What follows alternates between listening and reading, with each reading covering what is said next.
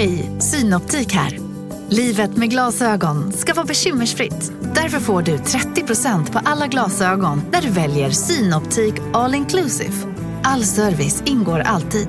Välkommen till Synoptik. Som medlem hos Circle K är livet längs vägen extra bra. Just nu får du som ansluter dig 50 öre rabatt per liter på de tre första tankningarna och halva priset på en valfri biltvätt. Och ju mer du tankar, desto bättre rabatter får du. Välkommen till Circle K. Välkommen till Maccafé på utvalda McDonalds restauranger med Baristakaffe till rimligt pris. Vad sägs om en latte eller cappuccino för bara 35 kronor? Alltid gjorda av våra utbildade baristor.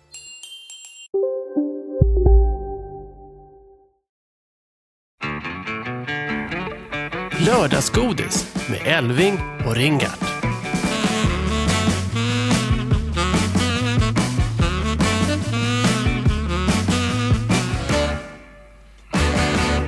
Hej och välkomna! Nu är det dags för ännu ett avsnitt av Lördagsgodis. Och idag ska vi tala om vadå? om telefonförsäljare bland annat som vi inte har så mycket till övers för egentligen. Men vi ska tala med en som representerar den yrkesgruppen. Men framförallt har vi två gäster här. Vi har Kerstin och Arne Hägerfors här. Välkomna! Tack så mycket! Och det är väldigt kul att se er här. Det är första gången. Eh, hur mår ni? Jo, förhållandevis väl får man väl säga. Ja. Kerstin mår ju alldeles utomordentligt. Ja, Hon gör det. Arne, ja, din hälsa har vi läst mycket om. Den ska vi penetrera lite sen. Men du har ju ett väldigt stöd i Kerstin. Ja, verkligen. Verkligen. Jo, nej men jag klarar mig inte själv helt enkelt. Så att, eh, hade inte Kerstin funnits så hade jag ju varit inne på någon institution någonstans och blivit omhändertagen. Vi är glada att du är här istället ja, för det. Absolut, jag också. Eh, och så ska vi tala om lite annat. Jag tänkte, eh, just nu så firar Lilla Sportspegeln 40-årsjubileum. Och det tänkte jag att, eh, att man skulle uppmärksamma. Det har ju uppmärksammats också. Eh, och jag till, Arne jobbar ju på TV-sporten, det gjorde jag också. Och jag jobbade med Lilla. Och Lilla Sportspegeln var ett resultat av sådana här publikdagar som Sveriges Television ägnade sig åt. Och Sven Plex Pettersson var ute på en sån här publikdag och då fick han höra att barnen inte kunde se Sportspegeln på söndagskvällar för att det gick så sent. Och därför började Lilla Sportspegeln som en repris av Sportspegeln eh, och gick då på måndagar lite tidigare så barnen kunde se all sport. Och sen förändrades programmet successivt till att bli mer målinriktat mot barn.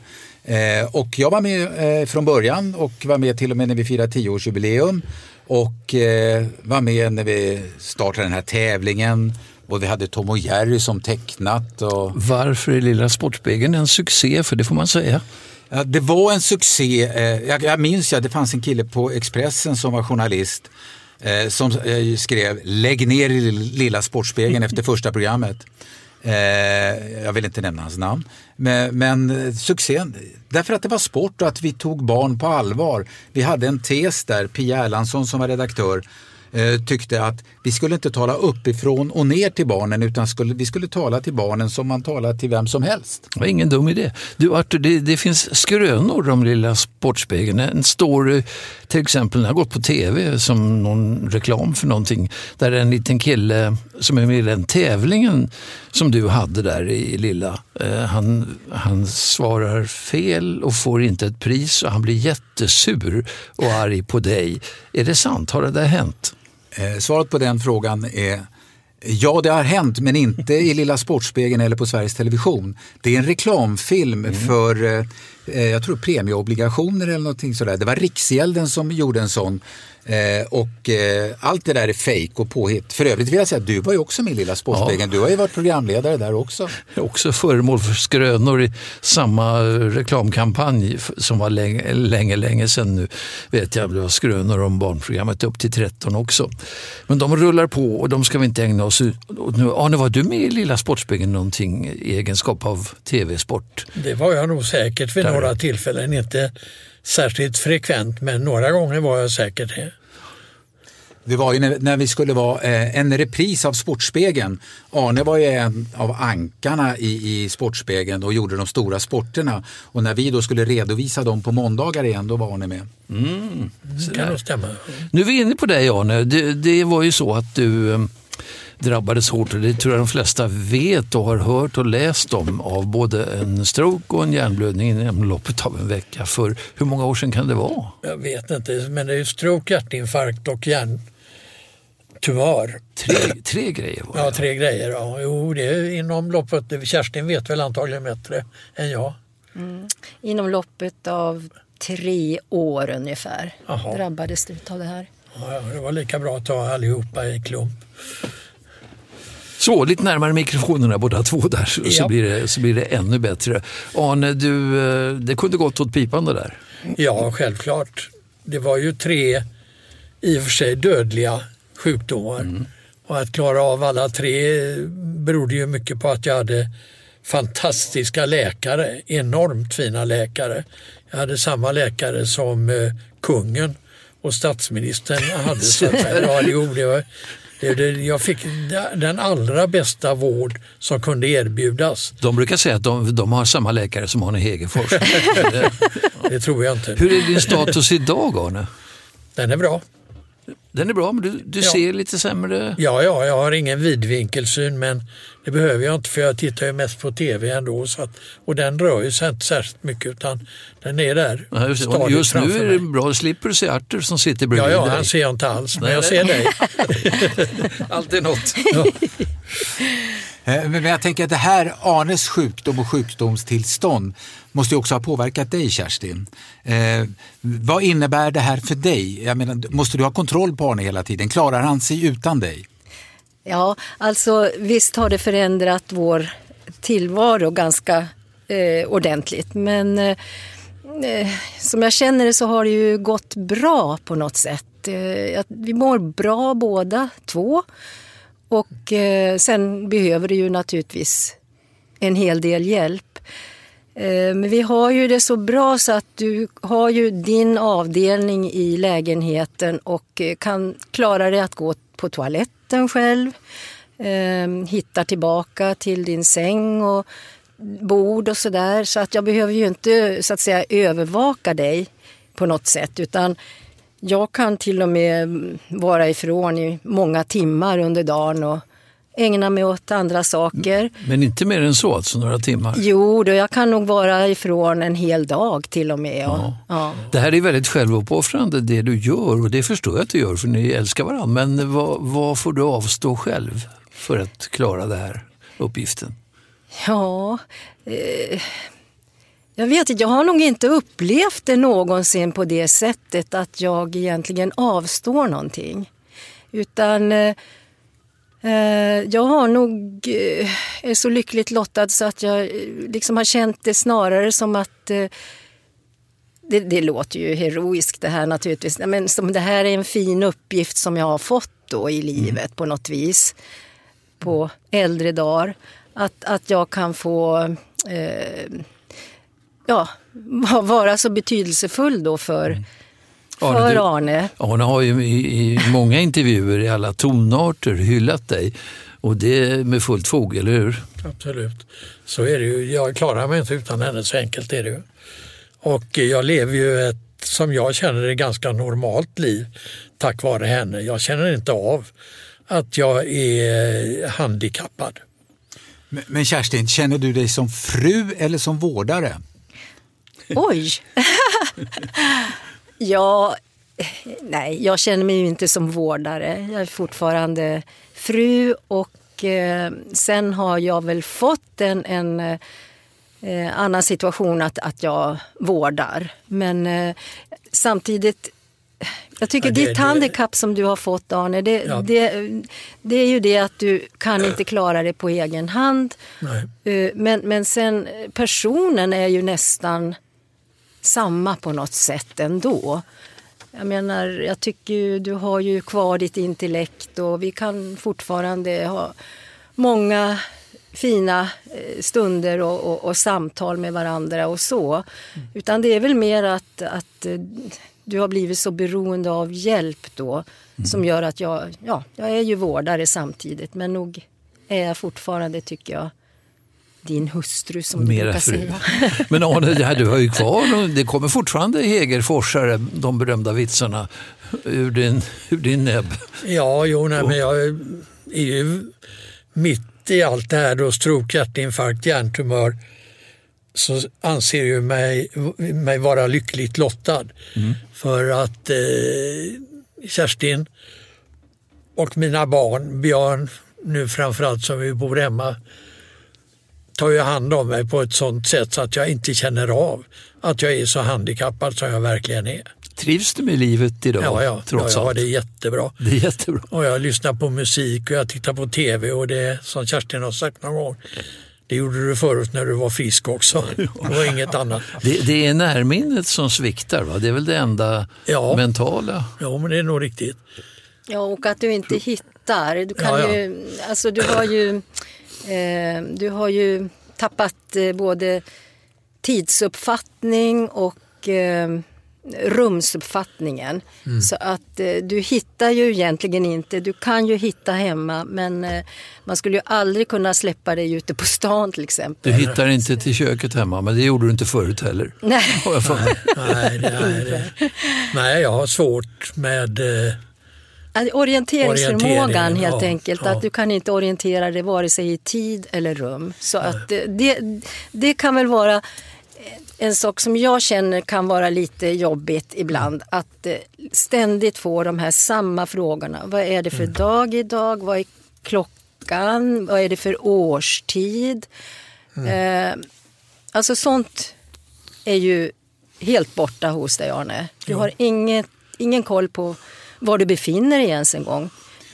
Du vet inte om du är på landet eller om du är hemma heller. Så nej, nej, nej, så är det ju. Så det, är... det här är ju väldigt bra för här, här sitter jag framför någon skärm som talar om att det är torsdag den 7 september och klockan är 14.37. När vi spelar in det här, ja. ja en sån där borde jag Jo, men du har faktiskt en sån hemma vet du. du Vid sängen står en sån där du kan läsa ja, precis ja. datum och tid. Ja.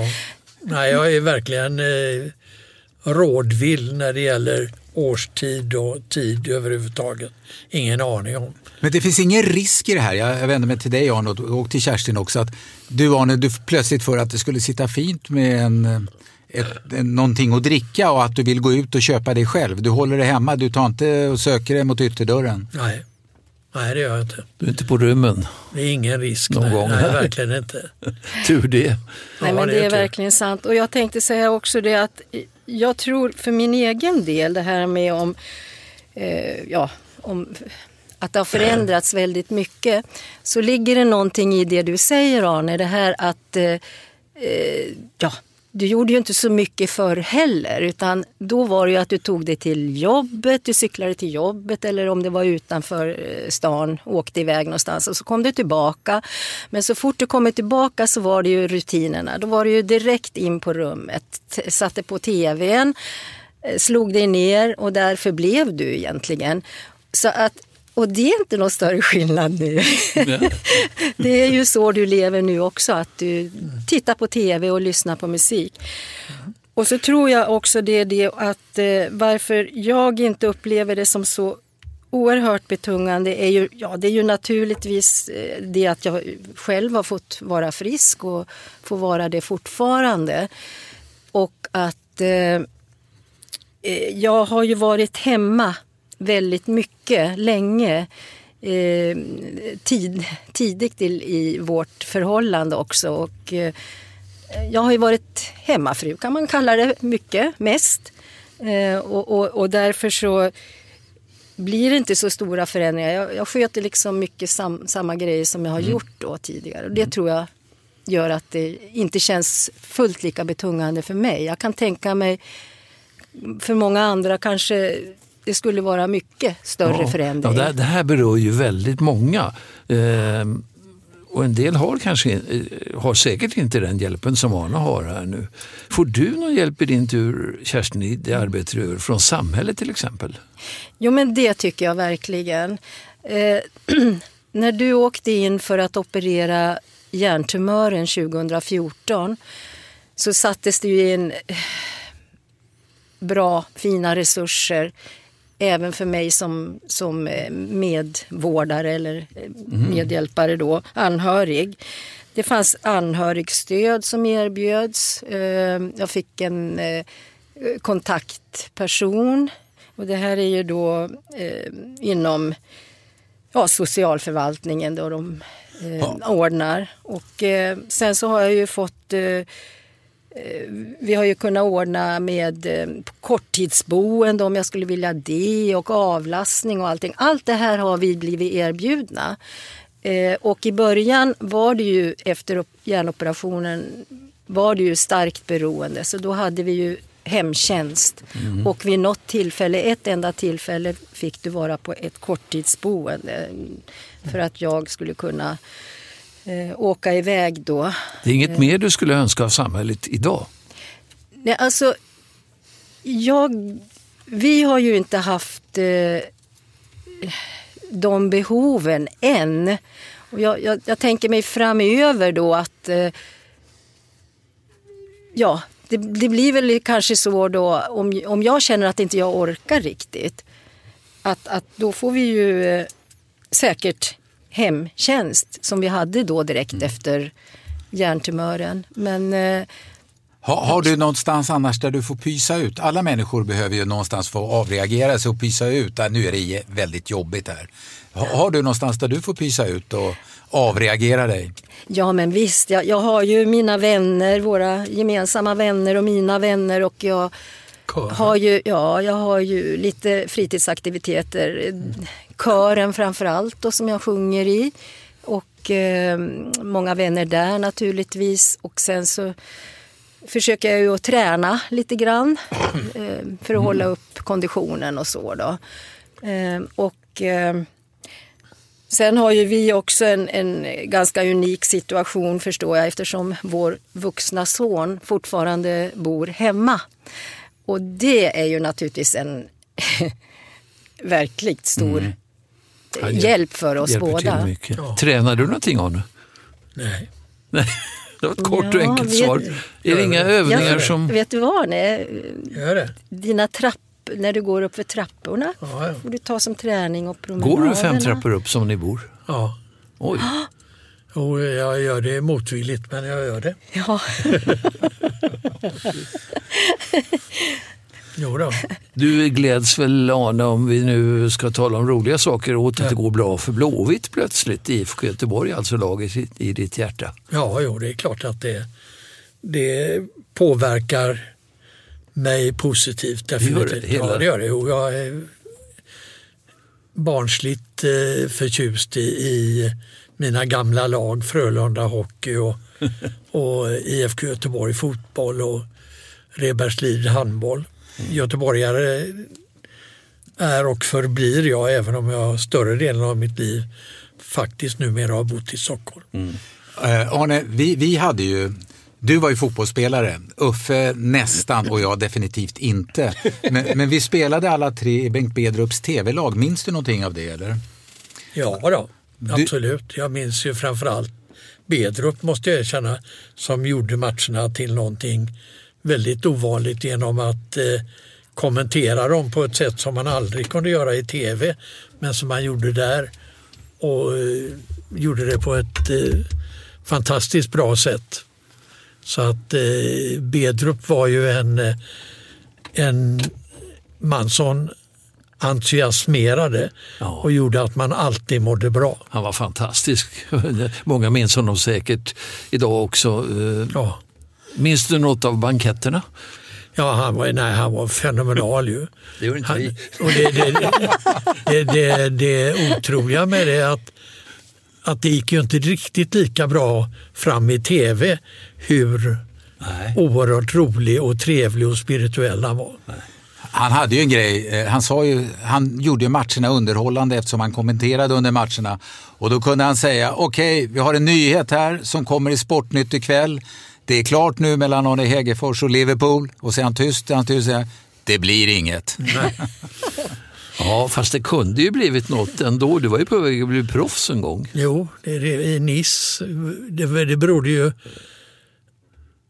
på tillfälligheter absolut för att min pappa var ju eh, eh universitetslektor mm. och tyckte ju att det var inte så förfärligt trevligt att hans son var mer intresserad av fotboll än av och böcker. En av böcker. Ja, böcker gillar jag i och för sig, men mm. Eh, att, att eh, lära sig någonting. Så att han slussade ju mig genom skolan. Mm. Och eh, jag sa ju hela tiden och trodde antagligen på det själv att du, behöver inte oroa dig pappa för jag kommer att bli proffs i fotboll. Och det, det, han, han tyckte att det var ju enormt fånigt sagt och det var det väl antagligen. Men det roliga var ju att jag faktiskt då fick åka iväg tack vare pappa. För att lära mig franska så fick jag åka till Frankrike mm. på sommaren och eh, var i Nice. och där fick de reda på att jag spelade fotboll. Så att eh, jag fick vara med i några vänskapsmatcher där och fick faktiskt ett proffsanbud ifrån AC Nice. Som, eh, och jag vet att då ringde jag ju hem till pappa och sa att du, eh, jag har fått ett proffsanbud, jag kan bli kvar här. Och vad, han frågade ju något, vad gick det ut på ungefär? Och det var väl det sämsta proffskontrakt som någon hade erbjudits. Men det var alltså, jag skulle få bo gratis och jag skulle få äta gratis och eh, spelade i stort sett gratis också i och för sig. Men jag hade inga utgifter överhuvudtaget. Nej, det, det skulle inget, de ta hand om. Inte guldkantat direkt va? Nej, inte direkt. Men det skulle också kunna uppgraderas. Att om det gick bra så skulle jag få ett, ett, eh, en, en högre lön helt enkelt. Ja. Och inte bara bo och eh, äta gratis.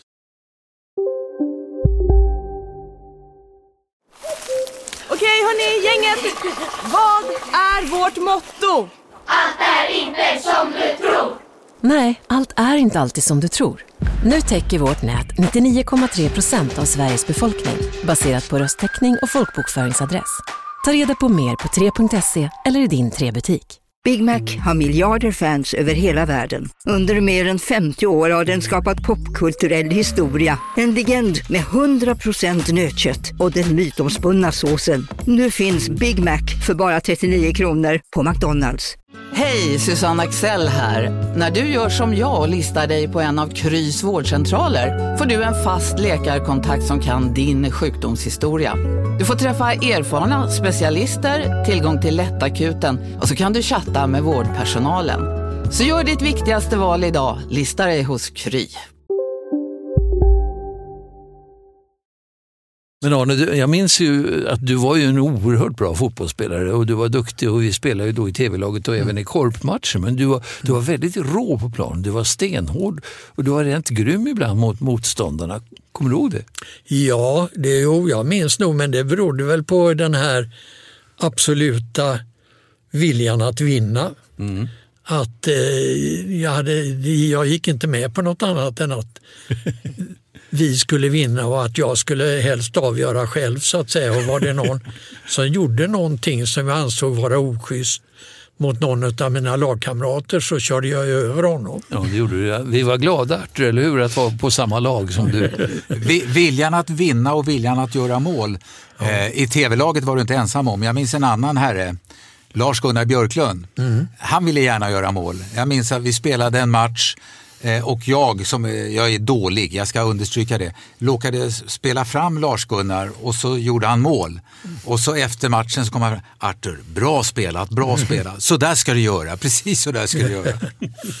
Lars-Gunnar Björklund är ju eh, orsaken till att jag eh, sitter här, och jag säga, men att jag finns till överhuvudtaget mer eller mindre. Nej, din morsa? Nej. Jo, jo, pappa inte att du finns till, det var han väl ändå inte inblandad. Men, Nej, men han, eh, han, han, har, han, har, sett till, eh, hela min karriär bygger på att jag eh, lärde känna ja. Lars-Gunnar och att han var min chef och han lotsade mig fram. Mm. Och eh, utan honom hade jag inte varit den jag är idag.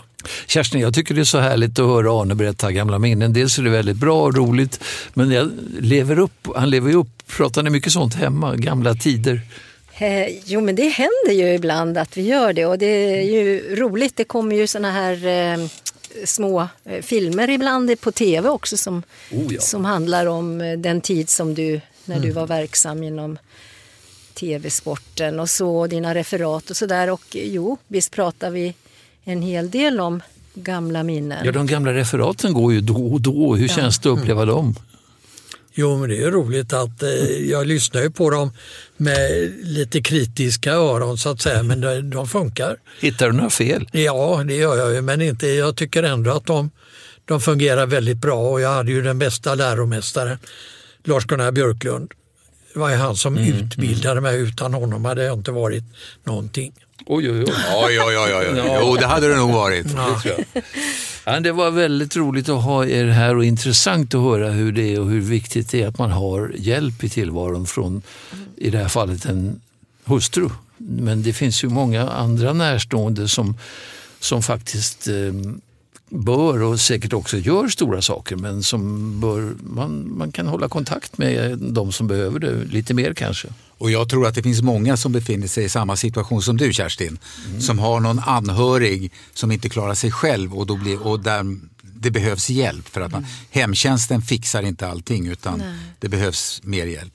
Nej. Eh, tack för att ni ville komma hit. Tack. Eh, nu ska vi tala om telefonförsäljning. Ja, Ja, det ska vi göra. Ja, just det, det har vi lovat. Och det, det, det är ju ett väldigt intressant ämne som berör alla nästan. Det finns väl ingen som inte har blivit uppringd av en sån här enveten försäljare som säger att han representerar ett företag men egentligen inte gör det. Det här är från Telia, säger han. Det är det inte. Det är ett företag som säljer Telias produkter och så vidare. och så vidare. Envetna är de. Ja, ja men, men de gör ju ett jobb som alla andra. Det enda hör till saken att om jag blir uppringd så är det ju någonstans min tid som de vill ha av mig för att jag ska lyssna. Och det är inte alltid man är intresserad av den produkt som de vill sälja och det är inte alltid man är duktig på att avsluta samtalet. Släng, slänger du på luren när de ringer? Eh, så här kan jag säga, numera så är jag ganska konkret. Om någon ringer mig och jag hör att det är en telefonförsäljare, då säger jag så här, okej, om jag vill köpa en Bingolotto-lott, då ringer jag själv till Bingolotto så ska vi säga att vi avslutar samtalet här nu. Och då kan vissa säljare säga okej, men andra kan säga nej, nej, nej, du vet inte vad jag har att erbjuda dig, du måste lyssna på mig nu. Jag tycker det är lite jobbigt och rätt patetiskt när de ringer upp och säger hej, är det den och den? Frågar de då och ja, säger jag, ja men vad trevligt, hur mår du idag? Och så vidare. Det skiter väl de i egentligen. Och jag med. Nej, men eh, ska man sälja så ska man sälja. Nu ska vi tala med en som kan det här om telefonförsäljning. Han heter Anton Ros och är VD på ett företag som heter Via Sales. Och Anton, hur kom det sig att du blev telefonförsäljare? Eh, jag tror det är, eller jag tror det var en slump som eh, de allra flesta halkar in i den här branschen. Eh, ja, det var efter gymnasiet, jag var 16 år gammal och behövde något typ av deltidsjobb. Och, det är ganska lätt att få säljjobb som ung. Ehm, och jag vet inte, det, det var verkligen något som intresserade mig. Jag har alltid varit tävlingsinriktad och tänkte just på grund av motståndet jag fick från familj och vänner eh, med den här typen av jobb att ja men vet du vad, det är precis det här jag vill eh, jobba med. Då. Vad var det för var motstånd? Jag vet inte, det finns ju mycket fördomar om försäljare. Ehm, och jag har väl en klassisk pappa i den utsträckningen framför allt som tyckte det var eh, till en början hemskt att jag skulle börja jobba som telefonförsäljare. Ehm, men jag ville väl trotsa lite och gå min egna väg och halkade in på den banan. Hur- Hur blev det då? Vad tyckte du om jobbet?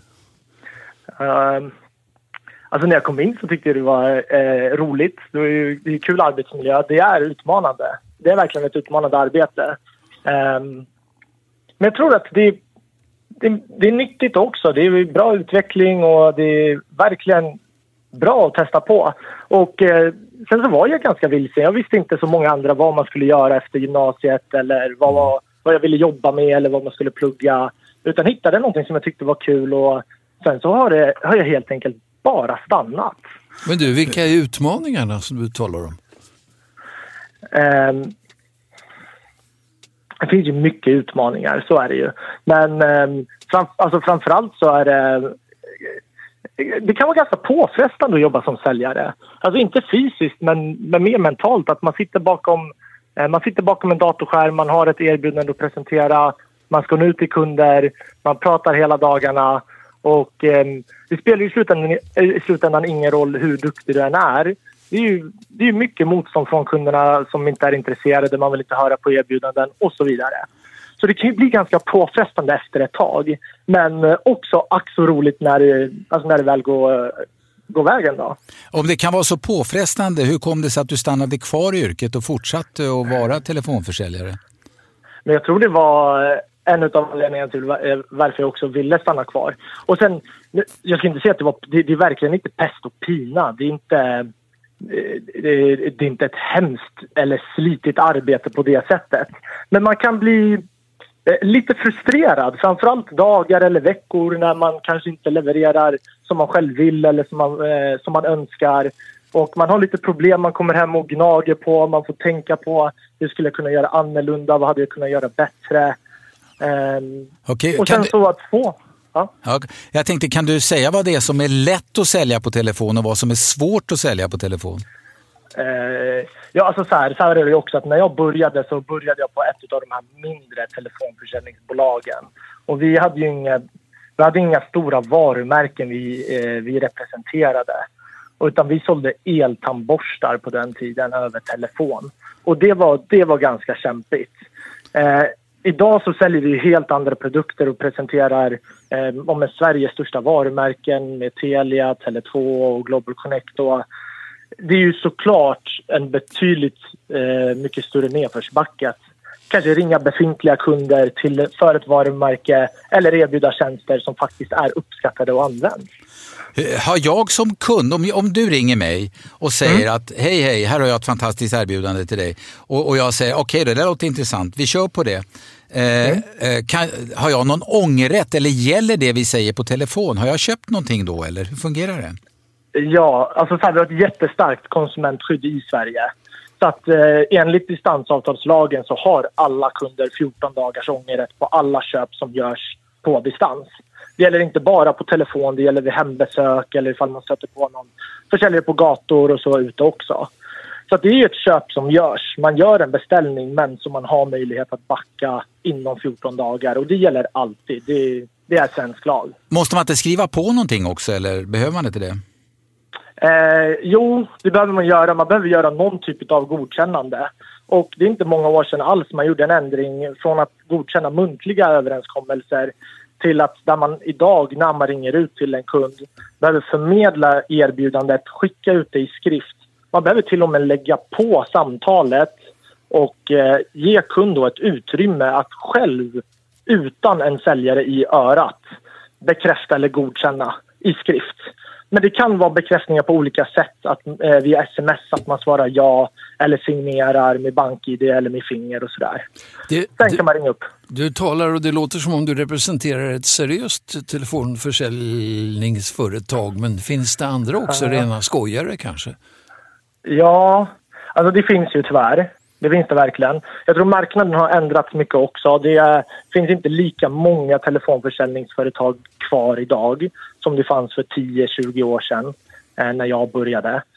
Så marknaden har ändrats. Det finns eh, färre företag med seriösare aktörer. Så att, sen finns det ju eh, kvar eh, mindre, eh, mindre eh, försäljningsföretag som har svårt att gå runt och som generellt sett eh, inte håller samma standard. Hur jobbar skojarna då? Ja, man kan ju, alltså man kan ju framförallt för, försköna verkligheten. Mm. Och det är någonting som vi jobbar väldigt mycket på, eller när det gäller eh, ren, rak och ärlig försäljning. Att vi ska kunna sälja och presentera produkter som inte behöver förskönas, så vi vet vad de går för. Men sen finns det också säljare som eh, förvränger verkligen eller så att, eh, så att vi tappar lite Hur då? fäste från verkligheten. Hur då? Om, om, det kan vara Konkret exempel, kan man säga att det här är världens bästa bil eller? Ja, men det kan ju vara på massvis med olika sätt. Säljare har en tendens att vara kreativa. Det, eh, men det kan ju vara, det kan vara allt ifrån ifall du ska eh, erbjuda ett bredband med en router, att man överdriver routerns kapacitet och att man säger ja men du kommer ha ett bredband som räcker ut på tomten hela vägen till grannen och så vidare. Du, um, du, hur väljer man ut vilka man ska ringa upp då? Hur, vet man vem eller vilka man ringer? Uh, oftast så är det listor som man får från uppdragsgivaren. Så i det här fallet så har vi ju till exempel då eh, Tele2 eller Telia och då får vi nummer och kunder att kontakta från dem. Eh, så det är ingenting som vi som återförsäljningsbolag väljer. Har det blivit svårare då? För att nu för tiden så jag har ju blivit uppringd ett antal gånger av telefonförsäljare, ja. men om inte jag känner igen telefonnumret då brukar inte jag ja. svara därför att eh, jag misstänker att det kan vara en försäljare och just nu vill jag inte tala med en försäljare. försäljare. Har det blivit svårare? Både ja och nej. Jag tror eh, alltså kunder och konsumenter har blivit smartare idag också. Ehm, och det ställer ju högre krav på försäljaren som når ut. Och det är bara positivt man fattar inte beslut på studs eller på stående fot i samma utsträckning som man kanske gjorde förut. Eh, man vill läsa igenom eh, avtalsförslag, man vill dubbelkolla att det faktiskt är så som eh, det är överenskommet över telefon. Och eh, i sådana fall när allting, när allting görs korrekt och det, är, det finns ett intresse, då, då skulle jag säga att då, då är motståndet lite mindre. Har, har ni någon plan eller skiss som ni utgår ifrån? För jag har ju varit med om eh, någon som, jag lyfter på luren och så, hej det är Lasse. Och då så tänker jag, vilken Lasse? tänker jag. Och så visar det sig ja. att det är en telefonförsäljare som utger sig nästan för att vara min kompis fast han inte är det. Eh, ja. Fin, finns det planer och skisser eller någonting, något schema man ska gå efter när man ringer upp någon? Ja, alltså så här är det ju att i de allra flesta fallen så finns det ju ett manus. Säljare ringer från en dator och det finns ett manus eh, nästan överallt. Och det är ju mer för kanske nyanställda eller säljare som inte eh, har hunnit jobba jättelänge och är nyare och behöver någon typ av vägledning eh, för att veta ungefär hur man ska föra konversationen vidare. Men när du har lite erfarenhet så är det ingenting du egentligen sneglar på utan då lär du dig ju mer prata genuint människa mot människa. Anton, eh, och det är dit man vill landa. Ofta, det har hänt många gånger att det ringer någon säljare och säger att de är från Telia eller Tele2 eller 3 eller vad det nu kan vara. Men visar sig ja. att det är de inte. De representerar ett företag som säljer åt Telia och etc. Mm. Och ett, någon sorts bulvanföretag eller förmedlingsförsäljningsföretag. Får man göra så? Ja, det är till och med ganska vanligt. Mm. Eh, det är så branschen ser ut och där tycker jag som kund också att där ska man inte skämmas för att fråga heller. Eh, och jag tror att det är bra att veta och förstå att det är ofta så det ser ut. Och många stora företag outsourcar just försäljningsdelen till försäljningsbolag. Eh, men det görs ju med hög standard. Man väljer ju idag ut seriösa aktörer och man skapar riktlinjer tillsammans på hur det ska hur arbetet ska genomföras. Det kan väl aldrig bli billigare att köpa genom ett sånt här bulvanförsäljningsföretag för att de måste ju också ha en del av vinsten. Ja, alltså det har du ju rätt i. Men eh, det kan absolut bli mer kostnadseffektivt. Som, mm. eh, som ett säljbolag så är egentligen det enda, det enda bolaget fokuserar på det är hur kan vi eh, höja kompetensen hos personalen? Hur kan vi leverera bättre säljsamtal? Hur kan vi öka kundnöjdhet?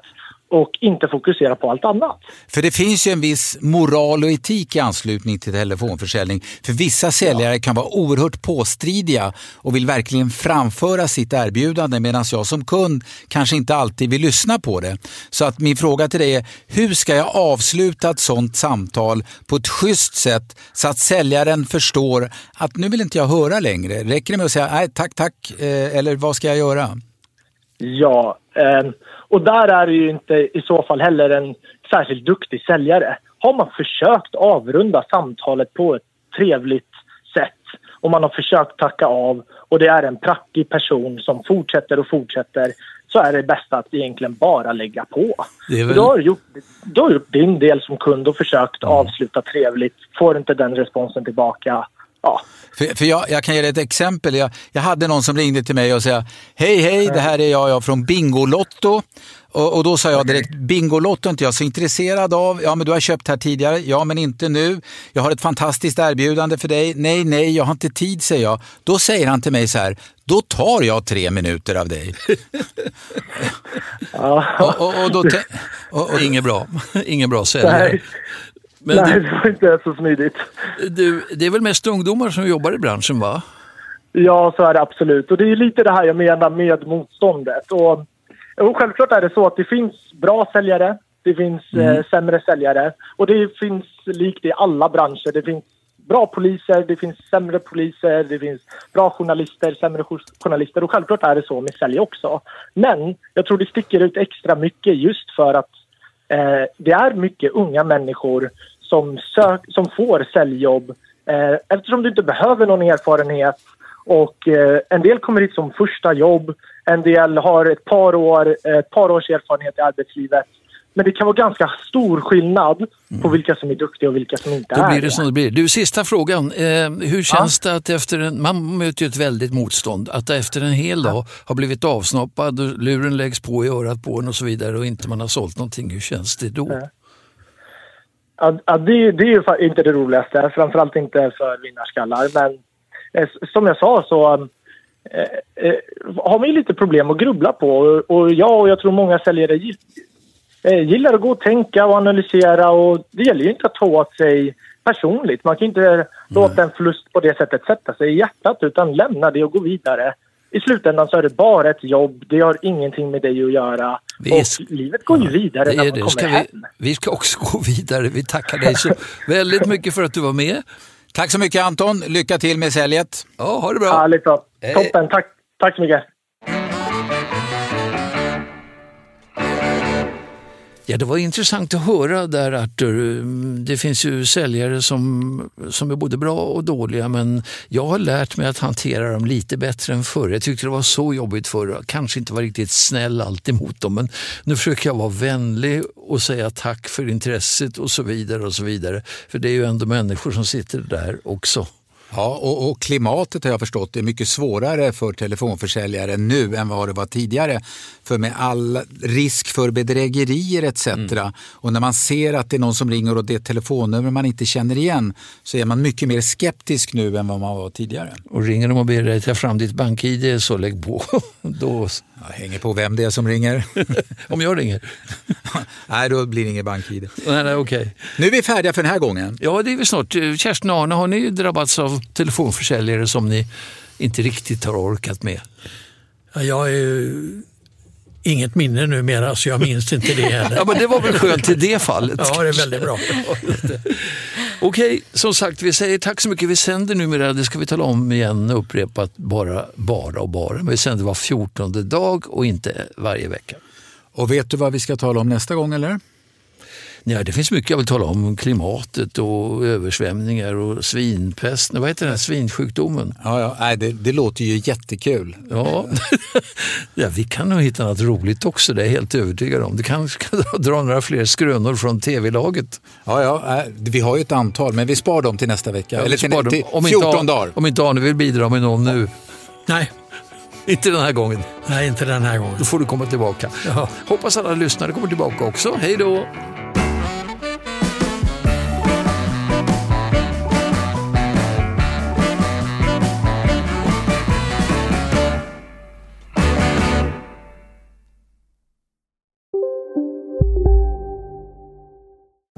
Ni är med om det största.